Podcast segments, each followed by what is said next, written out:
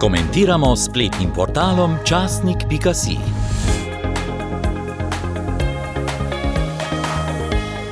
Danes beremo komentar Ive Pavlin Žurman z naslovom Bo Italija zgled Sloveniji, da umakne vse spomenike revoluciji in njenim akterjem na odpad zgodovine?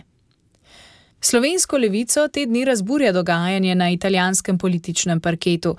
Premijejka Giorgia Meloni je ob italijanskem dnevu spomina na povojne poboje in množični odhod italijanov iz Istre, Reke in Dalmacije izrazila podporo oduzemu odlikovanja jugoslovanskemu diktatorju Josipu Brozu Titu.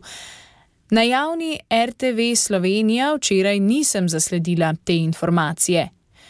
Odozem priznanja bi pomenil uresničevanje resolucije Evropskega parlamenta iz leta 2009, resolucija o evropski zavesti in totalitarizmu, in septembra 2019, pomen evropskega zgodovinskega spomina za prihodnost Evrope. Gre za nadaljevanje in dograditev prizadevanj. Tako Evropskega parlamenta, kakor tudi Sveta Evrope, da z resolucijami, deklaracijami, priporočili osvetljuje vlogo zgodovine, zlasti njenih najhujših poglavij pri oblikovanju sodobne evropske zavesti. Resolucija je deset let kasneje znova spomnila, da sta nacistični in komunistični režim zakrivila množične poboje, genocide in deportacije. Edina skupina, ki je glasovala proti, je bila skrajno leva politična grupacija European United Left Nordic Green Left. Resolucija je tudi opozorila, da so v nekaterih državah članicah še ohranjeni spomeniki, ki poveličujejo totalitarne režime. Italijansko priznanje Titu, odgovoren za množico smrti nedolžnih ljudi med in po vojni, je enakovredno spomenikom, ki Tita častijo v Sloveniji. Če bi bil Tito še živ, bi ga procesirali v Hagu. Bo Italija zgled Sloveniji, da umakne vse spomenike revoluciji in njenim akterjem v muzeje, v spomin in opomin za prihodnost?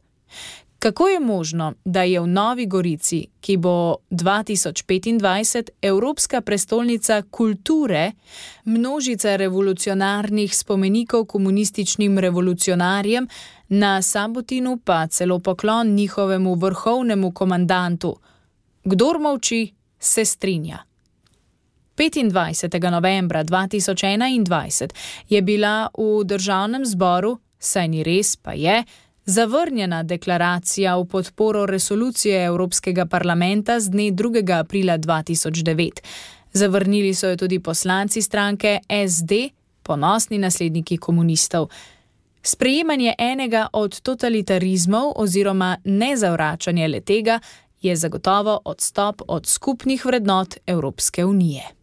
Je na spletnem portalu časnik.si zapisala Iva Pavlin Žurman.